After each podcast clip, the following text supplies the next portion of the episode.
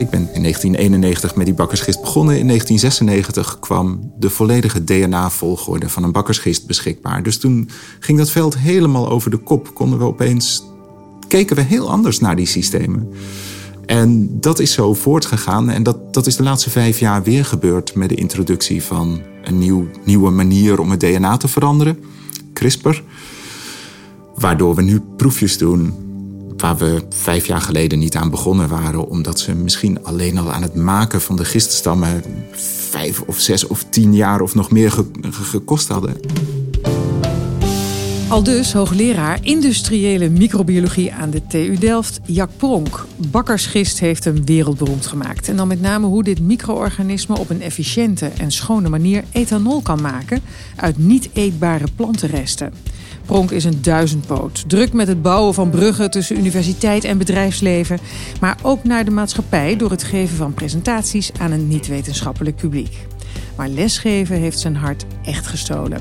In 2015 leverde het hem de leermeesterprijs van de TU Delft op.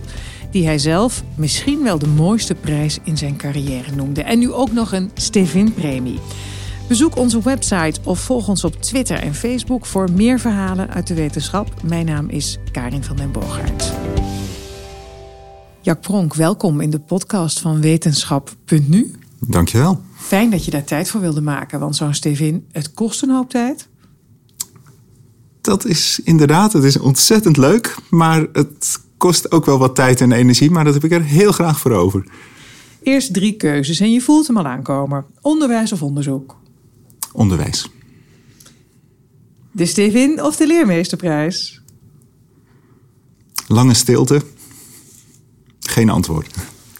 Ja, je zou beide tekort doen, denk ik, hè, door een keus te maken. Het klopt. Het waren allebei overweldigende momenten in mijn loopbaan. En in beide gevallen de waardering die er uitgaat nou, bij de leermeesterprijs van mensen die je hebt helpen opleiden bij de Stevinprijs van collega's in het veld die je eerst nomineren en vervolgens helpen selecteren. Ja, dat zijn allebei overweldigende ervaringen. En om daar een ranking in te gaan aanbrengen, dat, dat voelt helemaal niet oké. Goed, gaan we dan ook niet doen. Universiteit of bedrijfsleven? Universiteit. Je bevindt je in het eh, oog van de orkaan als je het hebt over het einde van de fossiele brandstoffen en op naar schone energie uit wind, zon en het produceren van nuttige en schone bio-energie. Geeft dat voldoening dat iets waar je al zo lang mee bezig bent, dat dat maatschappelijk steeds meer betekenis nou krijgt niet, want het heeft maatschappelijk al betekenis, maar dat het zo in de belangstelling is komen te staan? Ja, dat, het geeft absoluut een extra drijfveer om aan iets te werken waarvan ik zelf denk dat het essentieel is uh, om, om in de komende eeuw, nou in Nederland zelfs het hoofd letterlijk boven water te houden, maar ook wereldwijd om, om, om onze maatschappij op een, op een duurzame manier in te richten. Ja, dat is, dat is een prachtige extra drijfveer in het onderzoek, naast de, de wetenschappelijke fascinatie. Precies, dit extra drijfveer, dat wou ik vragen. Heeft het je keus daarvoor uh, bepaald of ben je erin gerold? Ik ben erin gerold. Um, ik wist dat, dat er vragen lagen op dit gebied. Ik werk al tamelijk lang aan gist. En ik ben door een heel gelukkige samenloop van omstandigheden op iets gestoten, waardoor ik opeens midden in, in deze lijn van onderzoek terecht kwam. En dat hebben we vervolgens met, met een, een groot team van mensen in Delft met beide handen aangepakt.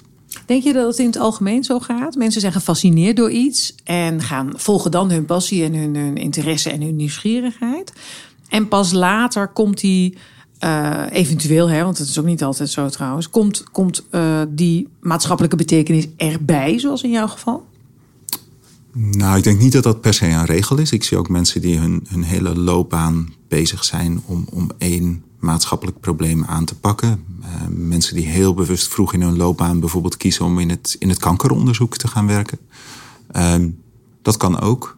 Bij mij was er altijd een brede interesse in, in toepasbaarheid van wetenschappelijk onderzoek. Dat is wat me vroeg in mijn loopbaan ook naar de, de TU Delft heeft getrokken. Um, maar maar die, die drijfveer richting duurzaamheid, die is er op een bepaald moment bijgekomen. Dus jij dacht niet naar aanleiding van het uh, rapport van de Club van Rome... hé, hey, hier moet ik een bijdrage aan gaan leveren? Nee, dat was niet mijn, mijn primaire drijfveer om in het gistonderzoek aan de slag te gaan. En een hoop van de dingen waar ik in het begin van mijn, mijn loopbaan in gist aan werkte, die waren tamelijk fundamenteel.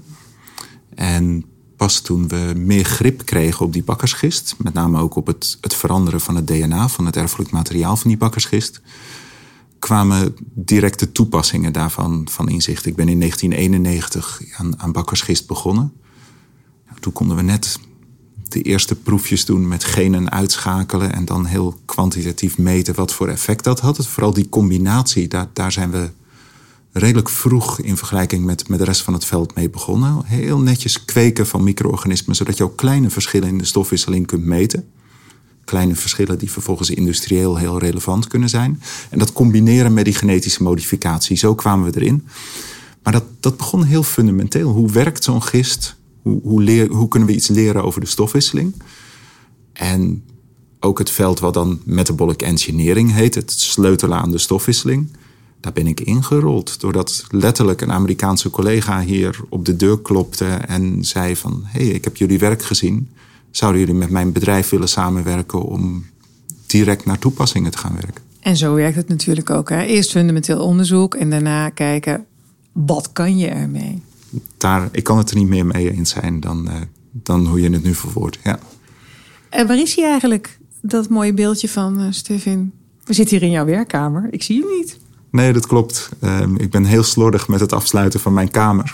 En dat durfde ik niet aan. Dus, uh... Oh, ik, wou je, ik dacht dat je ging zeggen dat hij al gestolen was. Nee, nee, nee. Zo, zo, zo snel gaat het niet. Nee, die, die staat uh, thuis op een uh, prominente plek. dat verhaal over die bakkersgist, daar ben je net al aan begonnen. Ben je dat niet nou eens een keer zat? Nou, ik dacht aan het begin van mijn loopbaan met de bakkersgist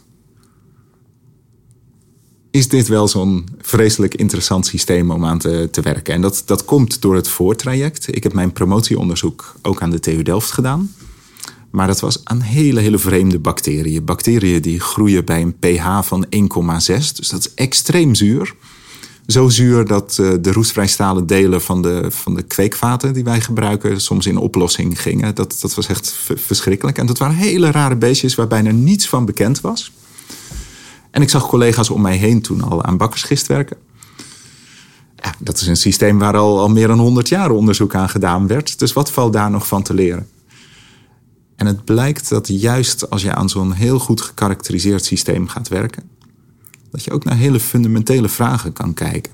En die, die wat uitvoeriger bestudeerde systemen, daar zijn vaak ook de, nou, laten we maar zeggen, de gereedschapskisten om daar onderzoek mee te doen, die zijn heel goed ontwikkeld. Dus je, je kan hele taaie problemen daar goed mee aanpakken. En daar kwam bij bakkersgist bij. Ik ben nou, dus in 1991 met die bakkersgist begonnen. In 1996 kwam de volledige DNA-volgorde van een bakkersgist beschikbaar. Dus toen ging dat veld helemaal over de kop. Konden we opeens. keken we heel anders naar die systemen. En dat is zo voortgegaan. En dat, dat is de laatste vijf jaar weer gebeurd met de introductie van een nieuw, nieuwe manier om het DNA te veranderen. CRISPR. Waardoor we nu proefjes doen waar we vijf jaar geleden niet aan begonnen waren, omdat ze misschien alleen al aan het maken van de giststammen vijf of zes of tien jaar of nog meer gekost hadden. En die proeven, waarvan we vroeger zeiden, ja, dat kost een heel promotieonderzoek alleen maar om de genetische modificatie te doen. Die genetische modificatie doen we nu in een week. En dus er, er komen weer hele nieuwe mogelijkheden boven. En ja, het is een organisme waar we heel veel van weten, maar er is nog steeds veel meer onbekend. Het is toch super interessant dat iets wat al 100 jaar bestudeerd wordt, zoals je zelf zegt, door nieuwe technische mogelijkheden, uh, toch nog hele nieuwe uh, resultaten en inzichten kan opleveren. Dat is natuurlijk fantastisch. Ja, ja. En, en het, is het, het is enerzijds het begrijpen van het systeem. Maar vervolgens, en dat, dat zit ook in ons werk, het, het ontwerpen en, en bouwen van nieuwe configuraties van, van de stofwisselingsnetwerken die erin zitten, de regelnetwerken in die cellen, om ze in de industrie nieuwe, nieuwe trucken te laten doen. Bakkersgist heeft jouw hart gestolen, Jack Pronk. Um, wordt al honderd jaar bestudeerd, vertelde je net al. Maar door allerlei technische uh, vooruitgang maakt het, uh, mogelijk dat het weer op andere manieren bestudeerd kan worden. En dat er ook andere toepassingen voor gevonden worden. Maar laten we teruggaan naar het begin. Bakkersgist, dat is als in gist wat de bakker gebruikt om het brood te laten rijzen? Ja, letterlijk de Latijnse naam Saccharomyces cerevisiae voor bakkersgist. Die betekent suikerschimmel uit bier. Schisten zijn eencellige schimmels. Ze vormen niet van, de, van die draden die je wel, wel kent van nou, schimmels die op brood groeien of wat dan ook. Het zijn mooie, losse, knoppende cellen. Um, dus die, die bakkersgist die wordt gebruikt voor het, het rijzen van deeg, voor het maken van wijn. En eigenlijk broertjes en zusjes van die Saccharomyces cerevisiae, die worden ook gebruikt voor het maken van, uh, van bier. Aha, dus dat is een multitoepasbare uh, gist. Ja, en dat was hij dus al um, aan het begin van, van deze eeuw en heel verder voor. De, de oude Egyptenaren die, die maakten al bier, waarschijnlijk voordat ze, ze brood maakten, met, met gisten. Dat, dat moeten wel gisten geweest zijn en dat wisten ze zelf niet. Maar door elke keer die brouwsels over te zetten, hou je wel degelijk gisten over. Um, dus dat, dat was al heel lang zo. En, en die gist is nu een nog veel veelzijdiger platform geworden om allerlei producten te maken, doordat we genetisch kunnen modificeren. Wat heeft genetische modificatie, heb je net al even kort verteld, maar dat mag rustig nog wat uitgebreider. Wat heeft genetische modificatie betekend voor het onderzoek aan bakkersgist? Nou, als je zo'n zo'n bakkersgist openmaakt, dan zie je dat zich daar een, een heel complex netwerk van chemische reacties in bevindt. Wat het netwerk van chemische reacties doet, is de suiker die je zo'n gistcel voert via allerlei reacties die door eiwitten, door enzymen mogelijk gemaakt worden, om te zetten in nieuwe gistcellen, in alle moleculen die in die gistcellen voorkomen en ook in producten. Zoals de ethanol en de CO2 die je nodig hebt voor het maken van alcoholische dranken, de CO2 die je nodig hebt voor het rijzen van deeg, de, blauwdruk voor dat netwerk, voor dat reactienetwerk, dat ligt op het DNA. Elk enzym, dus elk eiwit dat een van die reacties, een van die honderden of misschien wel duizenden reacties mogelijk maakt, die informatie daarvoor die ligt in één gen op het DNA. Dus je kunt ongeveer zeggen één gen, één reactie. Het is gecompliceerder dan dat. Wat je nu kunt doen met genetische modificatie, als je dat netwerk wilt leren begrijpen, is bijvoorbeeld een individueel gen uitschakelen. Dan schakel je één reactie uit en dan kun je kijken hoe dat netwerk ermee omgaat. Dat is hoe we ooit in, in dit veld zijn begonnen. En kun je dus de reactie veranderen. Als je het gen verandert, kun je de reactie veranderen. Klopt. Wat je vervolgens kunt doen, is niet alleen genen uitschakelen. En dus reacties uitschakelen. Maar je kunt ook reacties aan dat netwerk gaan toevoegen. Je kunt er een stukje aanbreien. En dan kun je die gist bijvoorbeeld in staat stellen om een, een geneesmiddel te maken dat een gistel van nature niet maakt, maar wat wel ontzettend relevant is. Nou, om een, voorbeeld te noemen, ongeveer de helft van de insulineproductie uh, op dit moment op de wereld wordt met een genetisch gemodificeerde bakkersgist gemaakt. En heel versimpeld gezegd, wat daar gebeurt, is dat je een stukje DNA uit een menselijke cel haalt. Pas je een klein beetje aan zodat de bakkersgist het prettig kan aflezen en vertalen in insuline, wat een heel klein eiwitje is. En dan gaat die gist lichaamsidentiek insuline maken. Dus waar we tot de, de jaren 80 nog insuline uit slachthuismateriaal haalden, uit, uit varkenspancreassen, ehm, wordt dat nu helemaal lichaamsidentiek al tientallen jaren gemaakt met, met genetisch gemodificeerde bakkersgist of met een genetisch gemodificeerde bacterie.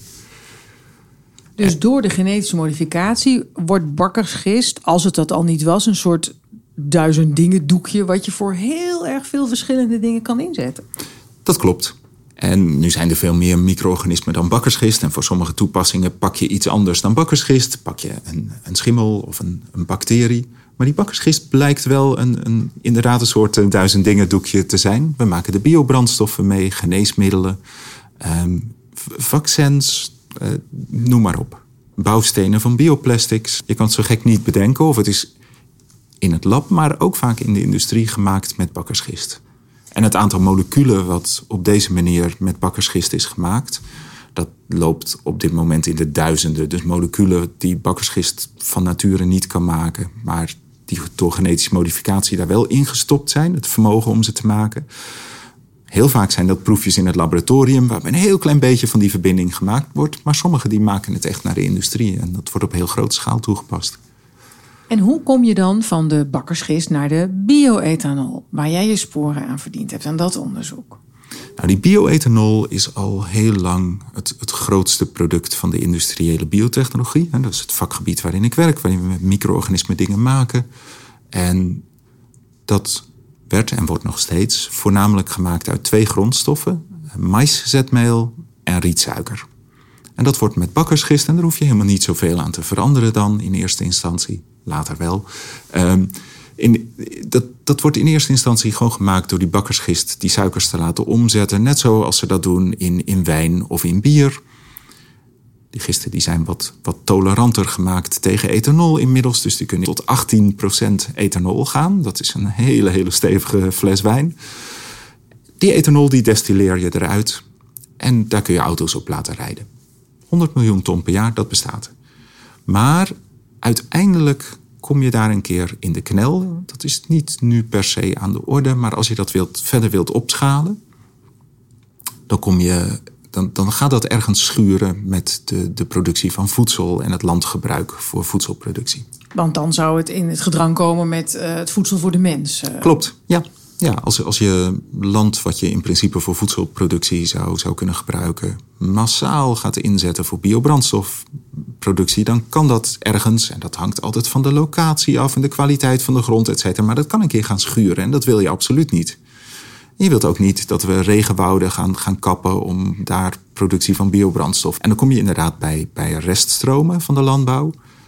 Nou, maïsloof is een heel voor de hand liggende, omdat in de Verenigde Staten op gigantische schaal ethanol wordt gemaakt uit, uit mais. Er staan hele staten daar vol met mais. En ongeveer één op de drie rijen mais die, die wordt tot ethanol omgezet. Um, dat betekent dat er al een infrastructuur is. Die fabrieken die staan daar al tussen de maisvelden. En bij die maisproductie blijft er heel veel loof en, en stengels over. Wat eigenlijk geen waarde heeft. Je moet wel iets op en in het land laten zitten voor de grondkwaliteit, maar je kan er een deel afhalen zonder dat dat negatieve consequenties heeft. Daar zitten ook suikers in. Maar die suikers die zijn lastiger toegankelijk. Daar werken wij niet aan. Je moet die mais eerst, die, dat afval eerst opbreken in losse suikers. Maar vervolgens krijg je ook andere suikers dan je uit zetmeel bijvoorbeeld krijgt. En daar heeft ons onderzoek zich op gericht om die bakkersgist zo om te bouwen dat hij, wat hij van nature niet kan, ook die, laten we maar zeggen, niet-conventionele suikers goed kan omzetten in ethanol. Alles om die kolf in feite, het eetbare deel, te sparen. Ja. En het afval goed te benutten. Ja, ofwel dat, of om te zeggen van 1 hectare halen we als je die twee dingen combineert veel meer ethanol. En dat heeft uiteindelijk hetzelfde effect. Hoe bedenk je dat om dat te gaan doen? Is dat een brainwave? Is dat, uh, nou, we gaan het eens proberen. Hoe werkt dat? Nou, het idee dat dit een, een doel was om na te streven, dat was er al een tijd. En dat kan je al traceren tot, als je wilt, tot het begin van de 20ste eeuw. Dat mensen zeiden, nou uiteindelijk moeten die suikers ook uit de houtige delen van planten, et cetera, komen. Uh, voor die bakkersgist was er in Delft in de jaren 80, toen mijn mentor bij het begin van mijn loopbaan, Hans van Dijken, was er onderzoek gedaan aan omzetting van een van die suikers, houtsuiker, xylose door, door gisten. En er was eigenlijk uitgekomen van, nou, als we dat goed willen aanpakken, dan is er een heel voor de hand liggende route. En daar hebben labs rond de hele wereld ook aan geprobeerd om, om dat voor, de, eh, voor elkaar te krijgen. En dat lukte niet. En dat had ermee te maken dat er eigenlijk één missing link in dat stofwisselingsnetwerk was. Eén zo'n reactie die mist in bakkersgist. En die komt in allerlei organismen voor. Daar kennen we ook de genen voor. Die kenden we ook in de jaren 90. En dat werkte steeds niet. En het enzym, het stapje dat miste, dat heette xylose isomerase. En nou, er is een hele mooie term in de wetenschap. Dit is uh, serendipiteit. Dat je soms, terwijl je er helemaal niet naar op zoek bent, tegen iets aanwandelt. Ongezochte vondsten. Ja. en deze ongezochte vondst die kwam voort uit een bezoek aan collega's in Nijmegen. Huub Opdenkamp in het bijzonder. Ehm, en Huub die keek naar, naar de stofwisseling van cellulose. Dat is een, een nou, suiker in papier, eigenlijk hele lange ketens, een polymeer van, van suikers die heel moeilijk kapot te krijgen is. En hij was vooral geïnteresseerd in de manier waarop dat cellulose werd opgeknipt in suikereenheden. En hij was daarvoor aan het zoeken in het DNA van anaerobe schimmels. Schimmels die helemaal zonder zuurstof kunnen groeien. Waar ik toevalligerwijs nu ook weer helemaal verliefd op geworden ben. Maar dat is een ander verhaal. Ehm, dus hij was op zoek naar die cellulose afbrekende genen. En Huub was gestuurd op iets anders. Er zat in die schimmel een gen dat heel erg leek op xylose-isomerase genen. En hij vertelde mij dat. En toen werd ik een beetje, een beetje wild. Want ik dacht van, ja, dit is de missende link. En schimmels die, die staan genetisch gezien, evolutionair gezien, veel dichter bij gisten. Gisten zijn eigenlijk zelf schimmels dan alle andere organismen van waaruit mensen hadden geprobeerd dat xylose-isomerase gen in gist te zetten. Dus dat was, oh, dit moeten we proberen en dat hebben we samen gedaan. En het bleek in één keer te lukken om daarmee hele hoge activiteiten van dat enzym in die gist te krijgen. Dus dat was heel mooi. Toen bleek wel dat de vervolgstappen die wel in die gist aanwezig zijn, daar op, in veel te laag niveau aanwezig waren om, om dat echt goed te laten draaien en ethanol te maken. Daar hebben we nog een, een flink stuk onderzoek aan moeten doen. Dus weer een nieuw probleem wat je op moet lossen? Ja, en vervolgens was er nog een heel belangrijke suiker die in die reststromen voorkomt, die wel wat op xylose lijkt. Dat hebben we er ook aangekoppeld dan moet je zorgen dat alle suikers ook nog tegelijkertijd goed gebruik, uh, gebruikt worden. Dat die gisten ook robuust zijn. Want de soepjes die gemaakt worden van die landbouwreststromen, dat zijn niet heel vriendelijke omgevingen voor die gisten. Dus zo, zo is dat een hele onderzoekslijn geworden. Die we ook steeds meer in samenwerking met de industrie hebben uitgebouwd. En zo is het gegaan. Zo is het ongeveer gegaan. Hoe lang heeft dat in totaal geduurd? Uh, dat heeft een uh, eens eventjes nadenken. Wij, wij zijn rond 2002, denk ik, echt serieus begonnen met dit onderzoek. Met, met één promovendus. Um, rond 2009, 2010, denk ik, is, is het hele pakket van, van uitvindingen bij DSM geland. En in 2014 is toen die fabriek in Amerika gebouwd, waar overigens veel meer onderzoek in zit dan alleen die gist. Hè. Dat wil ik wel even benadrukken. Ook het ontsluiten van die suikers bijvoorbeeld.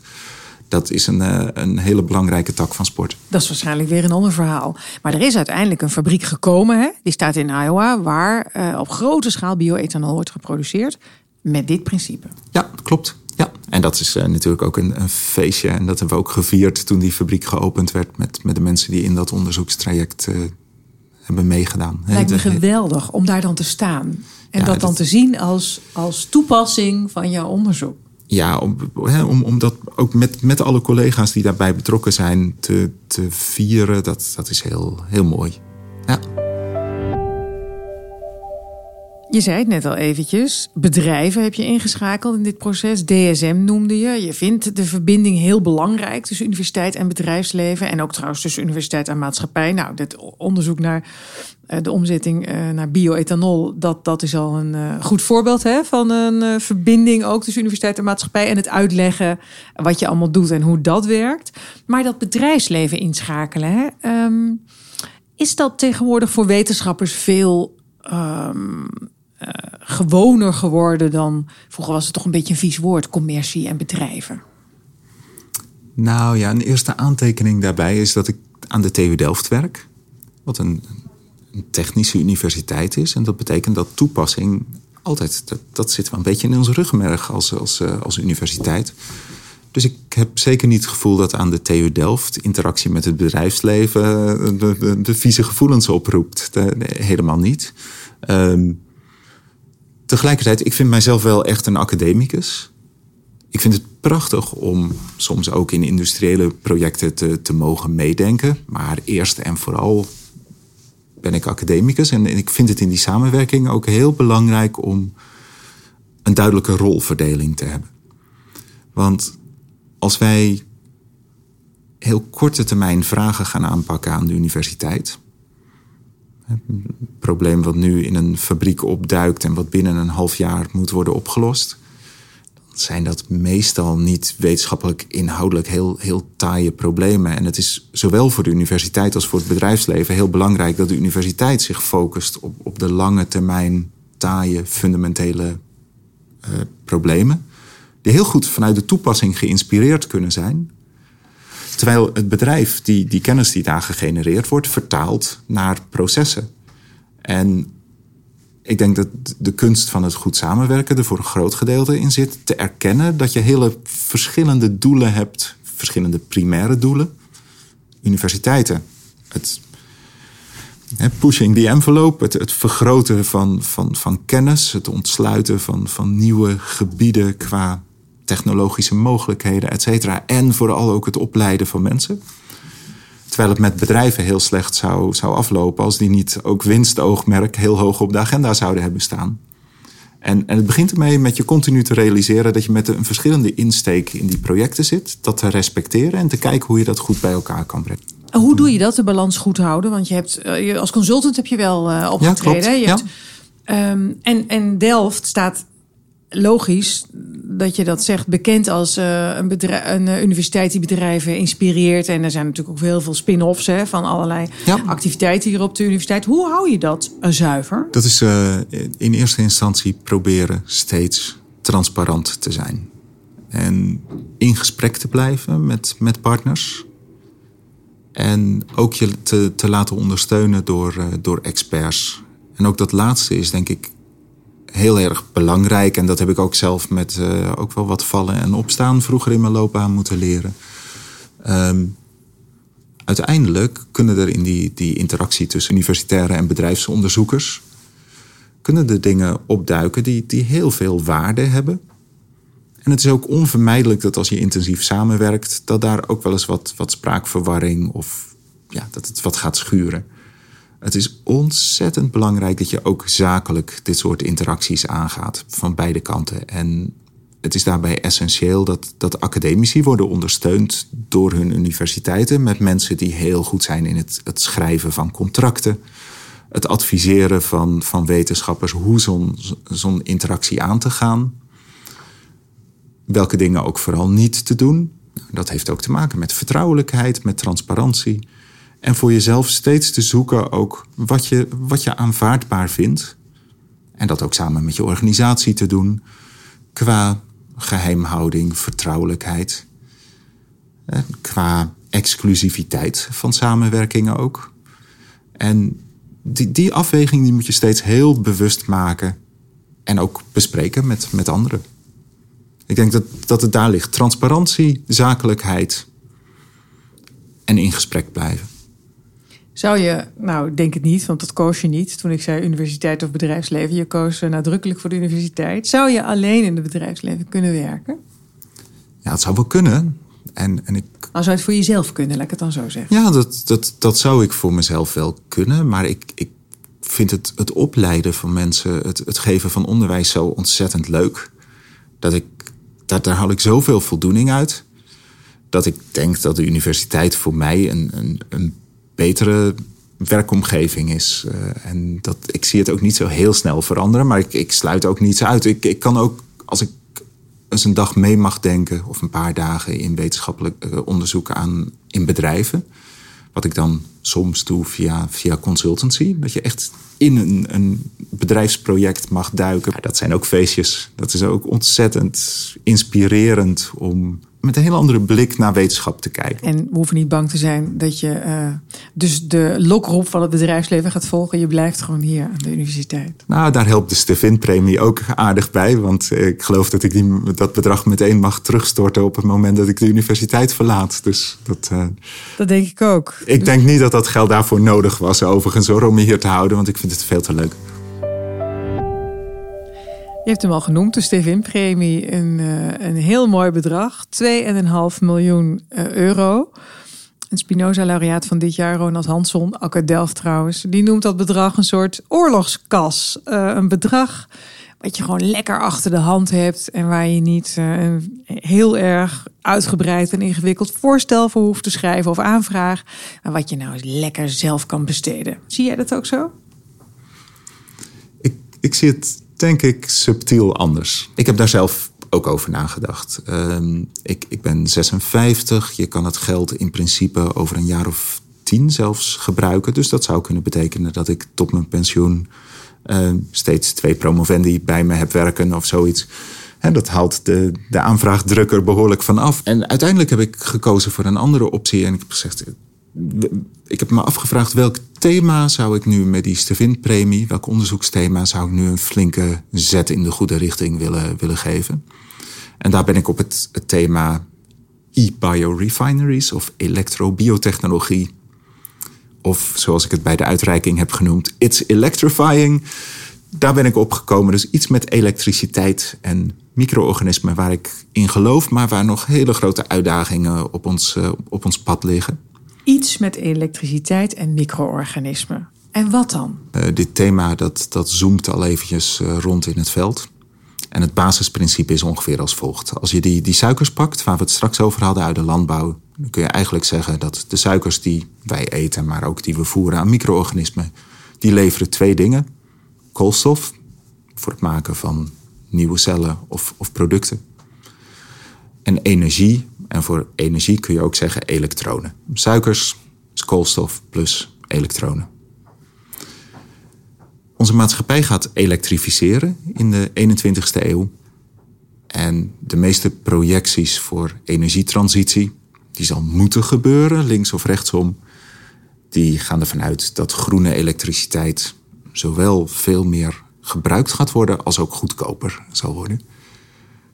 En het concept is hier heel eenvoudig. In plaats van dat je de koolstof en de elektronen uit suikers haalt, haal je de elektronen uit elektriciteit, die voer je aan micro-organismen. En de koolstof die haal je ofwel voor een deel nog steeds uit suikers of helemaal uit CO2. Waar we ruim voldoende van hebben op, op de planeet. En dat is handig, want dan krijg je weer een soort kringloop om die CO2 mee te. Ja. En die kringloop die zat natuurlijk ook in die suikers wel deels opgesloten. Omdat die landbouwgewassen waar je de suikers uithaalt... ook steeds weer op het land terechtkomen vanuit CO2 uit de lucht. Maar wat je hiermee doet, is de productie helemaal loskoppelen van landgebruik. Aha, dus dan kun je eigenlijk die positie van die gewassen uitschakelen. Dat klopt. Ja, die haal je uit de lus. Dus je, je neemt elektriciteit en CO2. Dat voer je aan micro-organismen. Micro-organismen groeien daarop, maken producten. Aan het eind van de levenscyclus van die producten leveren ze weer CO2 als ze verbrand worden, bijvoorbeeld als vliegtuigbrandstof of wat dan ook. En dat komt weer terug in die lus. En dan komt er netto geen, geen CO2 in de atmosfeer. Dat is ongeveer het concept. En dat kun je op allerlei manieren uitwerken. De uitdaging daarbij is: hoe krijg je elektronen uit elektriciteit in een micro-organisme? Nou, daar zijn wel methoden voor bekend. Alleen dat heeft nog niet geleid tot hele grote, schaalbare processen. Waarbij je op eenzelfde schaal kunt werken als nu met suikers. Die bakkersgist voor bioethanolproductie wordt gekweekt in vaten tot zelfs van meer dan 2 miljoen liter. Dat lukt nu niet met elektroden waar micro-organismen op groeien. En daar zit een, een uitdaging. En er zijn ook nog wel andere manieren om die elektronen erin te krijgen. Het, het onderzoek dat ligt nog helemaal open. Er wordt wel aan gewerkt. Maar ik zou heel graag aan de TU Delft dat tot een belangrijk thema in het onderzoek maken. En de Stevin-premie kan daarbij een belangrijke eerste zet geven. Dus dat gaat ook gebeuren? Dat gaat ook gebeuren, ja. En heb jij dan, want daar hadden we het net over, hè, eh, bedrijven kijken waar kan ik geld mee verdienen. Uh, universiteit zit aan de andere kant, doen fundamenteel onderzoek wat uiteindelijk ergens toepasbaar is, maar je weet nog niet waar. Hè? Dan krijg je zo'n geval van serendipiteit. En hey, dan uh, valt het kwartje, zal ik maar zeggen. Ben jij um, in de achtergrond van dit plan voor de besteding wel um, uh, geïnspireerd door het vraagstuk van ja, wat moeten we met die CO2 Absoluut. Ja, dit is direct door, door duurzaamheid geïnspireerd. Omdat ik denk dat dit een, een hele reële optie is voor de productie van, van vloeibare transportbrandstoffen vliegtuigbrandstoffen bijvoorbeeld. Want elektrificatie van vliegtuigen, nou, als het al gaat gebeuren, ligt dat wel heel ver weg. Um, van, van chemicaliën, maar misschien op termijn zelfs wel, wel bestanddelen van voedsel. Vleesvervangers bijvoorbeeld zou je in principe ook uiteindelijk kunnen maken uit, uit CO2 en, en, en elektriciteit. En dat kan qua duurzaamheid enorme impact hebben. Dat is niet iets wat binnen vijf of tien jaar op grote schaal wordt uitgerold. Maar als we daar iets mee willen, is dit wel het moment om serieus fundamenteel onderzoek daaraan te, te, te starten. En het is ook mooi dat je dat gaat doen, want die Stevin-premie die beoogt juist hè, die brug tussen maatschappij en wetenschap. Ja. Uh, Spinoza's belonen super fundamenteel onderzoek. Maar juist die Stevin kijkt ook, staat ook met uh, gericht met het oog op de maatschappij. Ja, en het, het vakgebied van de biotechnologie, waar ik op actief ben, ja, dat, dat biotechnologie betekent het, het toepassen van, van biologie. En ga je dat dan, denk je, nog meemaken dat dat onderzoek um, toepassingen gaat krijgen? Want het lijkt me toch ook best een zaak van lange adem weer. Nou, dat was de uitreiking van de Stevin-premie misschien wel een heel inspirerend moment. Mijn ouders lopen tegen de 80. Die waren er allebei bij als ik uh, nog net zo bij ben als zij uh, op dit moment, op die leeftijd.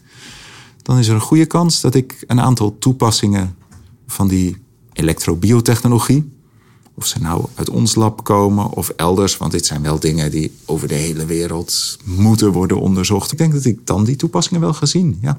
Moet je wel nog even door? Nou, niet noodzakelijkerwijs uh, als hoogleraar. Dat kan ook met een hengel, maar uh, ja, nog wel eventjes door. Ja, die hengel, dat is je hobby, hè? Ja, dat klopt. Ja. Zag ik op de Spinoza-uitreiking in het filmpje wat daar vertoond werd. Maar je mag niks uh, privé aanschaffen hè, van die Stevin, geloof ik. Nee, maar het is, het, er zit echt wel, wel vrijheid in. Ik, ik heb een bestedingsplan mogen inleveren bij MWO. En ik ben heel blij dat dat is goedgekeurd. Maar daar zit toch wel naast wetenschappelijk onderzoek, dus aanstellen van jonge onderzoekers um, en, en apparatuur, zit er ook een heel klein stukje in wat, wat geen onderzoek is. Aha, en wat wordt dat? Het wordt geen vissen, maar um, ik vind het uh, heel belang, belangrijk, en dat komt ook uit mijn eigen ervaringen voort, om mensen vroeg in hun loopbaan ook te coachen op uh, meer psychologische aspecten van, van het werk. Je ziet aan universiteiten, en dat heb ik zelf ook vroeg in mijn loopbaan ondervonden, dat, dat we verrijken voor mensen die perfectionistisch zijn. Perfectionisme is een ander woord voor onzekerheid. Um, imposter syndroom is een heel bekende term. Dus mensen die, die het hartstikke goed doen, maar van zichzelf eigenlijk vinden dat het allemaal niks is. Doe ik het wel goed genoeg? Hè? Kan ja, ik het wel? Het is nooit goed genoeg, dus ik moet nog harder werken. Um, terwijl de omgeving dat soms helemaal niet zo ziet. Ik heb een, uh, een, een behoorlijk bedrag gereserveerd om jonge onderzoekers, met name ook vrouwelijke onderzoekers, vroeg in hun loopbaan te kunnen ondersteunen met wanneer ze tegen dit soort dingen aanlopen. En nou, dat ik ben heel blij dat, dat MWO ook dat deel van, van de aanvraag heeft goedgekeurd. Hebben vrouwen daar dan meer last van ook? Nee, dat wil ik niet, niet per se zeggen. Maar het is nog steeds wel zo dat in ons vakgebied vrouwen ondervertegenwoordigd zijn. En ik heb ook niet gezegd dat dat geld exclusief voor, voor vrouwen is. Maar ik heb er wel bij gezegd dat als ik kansen zie om vrouwen vroeg in hun loopbaan te helpen, dat ik dat, dat compartiment, maar dat deel van het geld daar ook voor, voor beschikbaar wil maken. Ik ben heel benieuwd wat dat gaat opleveren. Daar praat ik dan graag nog een keer, een andere keer verder met je over. Maar voor nu, uh, dank je wel voor dit gesprek. Jij bedankt en je bent uh, zeer van harte welkom. Dank je wel. En wil je meer gesprekken uh, horen, zeg ik tegen de luisteraars uh, met andere wetenschappers. Abonneer dan op de podcast. We zijn te vinden in iTunes, Stitcher, Soundcloud en sinds kort ook op Spotify. En daar is ook de andere Stevin-laureaat Andrea Evers en de Spinoza-laureaten Yvette van Kooik, Ronald Hansson, Amina Helmi en Bas van Bavel te horen met hun plannen voor de besteding van die 2,5 miljoen. Wil je laten weten wat je van de podcast vindt? Dan uh, kan je reageren via onze kanalen op Facebook en Twitter. En dan zeg ik zoals altijd: dank voor het luisteren.